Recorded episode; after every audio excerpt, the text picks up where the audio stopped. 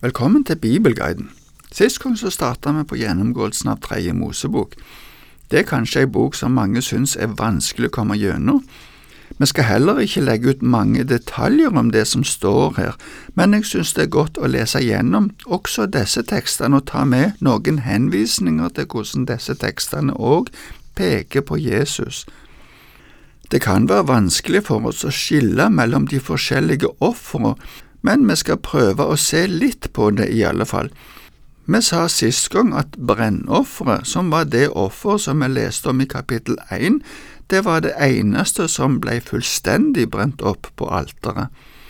Det neste offeret som vi skal se på nå først, er grødeofferet, eller matofferet som noen velger å oversette det.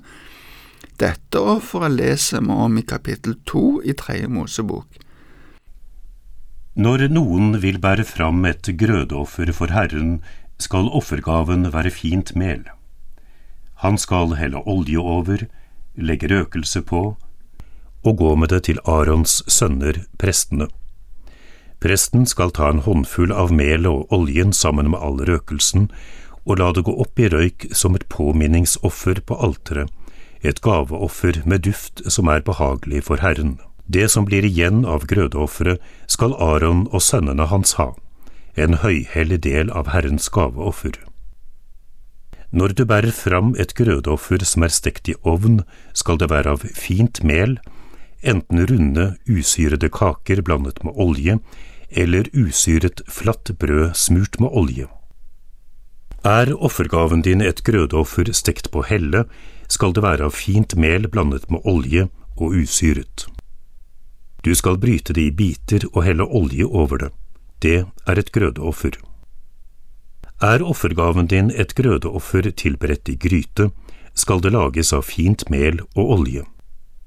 Du skal komme fram for Herren med grødeofferet som er laget av dette, og bringe det til presten, og han skal bære det fram til alteret. Presten skal ta påminningsofferet ut av grødeofferet og la det gå opp i røyk på alteret som et gaveoffer med duft som er behagelig for Herren. Det som blir igjen av grødeofferet, skal Aron og sønnene hans ha, en høyhellig del av Herrens gaveoffer. Alle grødeoffer som dere vil ofre til Herren skal være usyret. Surdeig eller honning skal dere ikke la gå opp i røyk som gaveoffer for Herren.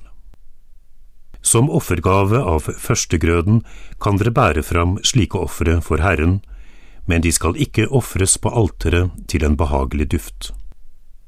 Alle grødeoffer skal du salte. La aldri saltet som hører til pakten med din Gud mangle i grødeofferet. Til alle offergavene dine skal du ofre salt. Hvis du bærer fram for Herren et offer av førstegrøden, skal du ofre kornaks som er ristet over ilden. Knust korn av nymodne aks skal du bære fram som offer av førstegrøden. Du skal helle olje over det og legge røkelse på. Det er et grødeoffer. Presten skal la påminningsofferet av det knuste kornet og oljen gå opp i røyk sammen med all røkelsen. Det er et gaveoffer for Herren. Grødeoffer eller matoffer nevnes ofte i sammenheng med brennofferet. Her blir òg den delen av grødeofferet som legges på alteret, brent opp men i dette tilfellet skulle noe av matvarene være til mat for prestene. Grødeoffer skulle være av det fineste mjølet, det beste de hadde. Det kunne gis som mel, og det kunne være laget som bakverk. Det nevnes tre forskjellige måter det kunne være tilberedt. Det kunne være i ovn, på panne eller helle, eller det kunne være i ei gryte. Sammen med mjølet så skulle det være olje og røkelse, eller virak som noen kaller det. All røkelsen skulle brennes opp i sammen med den delen av grøteofferet som ble lagt på alteret. Men noe av oljen og mjølet eller bakverket skulle òg være til mat for prestene. Det skulle ikke brukes gjær eller honning i bakverket som skulle ofres, men derimot skulle det brukes salt. Saltet legges til alle offer, og ikke bare grødeofferet. Gjæren betegner noe som gjør at mjølet blir større enn det virkelig er, men i noen andre former for offer eller gaveoffer til prestene, så var det lovlig. Saltet hadde en bevarende funksjon. Saltet blir ofte nevnt i forbindelse med pakter for å vise at det skulle være solide og varige pakter. Til slutt nevnes det òg muligheten for at det skulle ofres korn som var knust, men ikke helt blitt til mjøl. Men nå går vi videre til det neste kapittelet og det neste offeret, som er et fredsoffer. Dette offeret leser vi om i kapittel tre, og nå leser vi det. Hvis offergaven hans er et fredsoffer, og hvis han tar det av storfe, skal han ofre for Herrens ansikt et dyr uten feil, enten han eller hun. Han skal legge hånden på offerets hode og slakte det ved inngangen til telthelligdommen, og Arons sønner, prestene, skal stenke blodet rundt om på alteret. Av fredsofferet skal han bære fram som gaveoffer for Herren fettet som dekker innvollene, alt fettet på selve innvollene, begge nyrene med fettet ved hoftemusklene og leverlappen som han skal ta ut sammen med nyrene. Arons sønner skal la det gå opp i røyk på alteret sammen med brennofferet som ligger på veden over ilden, et gaveoffer med duft som er behagelig for Herren. Hvis det er av småfe han ofrer et fredsoffer til Herren, skal det være et dyr uten feil, enten han eller hun. Hvis det er en sau han ofrer, skal han føre den fram for Herrens ansikt, legge hånden på offerets hode og slakte det foran telthelligdommen, og Arons sønner skal stenke blodet rundt om på alteret. Av fredsofferet skal han bære fram fettet som gaveoffer for Herren, hele fetthalen som han skal skjære av like ved ryggbenet, fettet som dekker innvollene, alt fettet på selve innvollene, begge nyrene med fettet ved hoftemusklene og leverlappen som han skal ta ut sammen med nyrene. Presten skal la det gå opp i røyk på alteret. Det er gaveoffer for Herren. Hvis offergaven hans er en geit, skal han føre den fram for Herrens ansikt legge hånden på geitehodet og slakte den foran telthelligdommen, og Arons sønner skal stenke blodet rundt om på alteret. Av offergaven skal han bære fram som gaveoffer for Herren fettet som dekker innvollene, alt fettet på selve innvollene, begge nyrene med fettet som er på dem ved hoftemusklene, og leverlappen som han skal ta ut sammen med nyrene. Presten skal la det gå opp i røyk på alteret. Det er et gaveoffer med duft som er behagelig for Herren. Alt fett hører Herren til.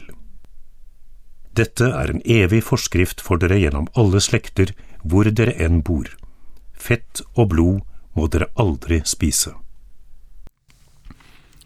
Det hebraiske ordet for fred betyr helhet, fullstendighet, sunnhet og helse. Når et menneske har del i dette i alle dets dimensjoner, så har det fred. Fredsofferet var en anledning til glede, fest, samtale og sang. I denne anledningen gleda folket seg over det de hadde fått av Gud, ikke minst frelsen, men også rikdom og grøde. Paulus beskriver Kristus som vårt fullkomne fredsoffer. Hør det Paulus skriver i Kolosserbrevet 1,20 og ved ham ville Gud forsone alt med seg selv, det som er på jorden og det som er i himmelen, da han skapte fred ved hans blod på korset. Til dette offeret kunne de ta enten et hanndyr eller et hunndyr, men det skulle være uten feil, slik som brennofferet. Når det gjaldt brennofferet, skulle hele dyret ofres eller brennes opp på alteret. Vi kan se at også for dette offeret skulle den som ofra, legge hånda på hodet til dyret før det ble ofra. Det symboliserer overføring av synd og skyld. Fredsofferet var slik at her var det bare fettet, nyrene og leveren som ble lagt på alteret. Blodet ble også stenka rundt om på alteret, men kjøttet ellers ifra dette offeret skulle den som ofra og hans eller hennes familie spise. Presten skulle òg ha en del av dette offeret, men det blei som et festmåltid. Vi kan se at det står at fettstykkene skal gå opp i røyk sammen med brennofferet. Det viser at det ofte ble ofra fredsoffer sammen med brennofferet. Vers 11 sier at det er et gaveoffer for Herren. I noen bibeloversettelser, blant annet Norsk bibel, så sies det ildoffermat. Men det betyr ikke at de tenkte på at Gud skulle spise det, slik som det var vanlig å tenke i de andre folka. Salme 50 viser oss at Gud er ikke slik. Vi kan lese versene 12 og 13 i Salme 50 som eksempel på det.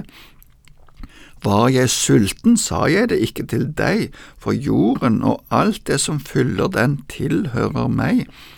Skulle jeg spise kjøtt av okser eller drikke blod av bukker? Men på en måte kan vi si at det er en slags fellesskapsmåltid, der vi òg har fellesskap med Gud. Dette skulle være en evig forskrift som gjaldt for Israel alltid og alle steder. Det gjaldt særlig forbudet mot å spise blod. Det kunne nok være steder det ikke var mulig å ofre, men de skulle allikevel ikke spise blod. Men til slutt kan vi ta med at fredsofferet var et offer som skulle vise fellesskapet vi har med Gud, og når Jesus er vårt fredsoffer, har vi fullkommen fred med Gud. Takk for i dag og Herren være med deg.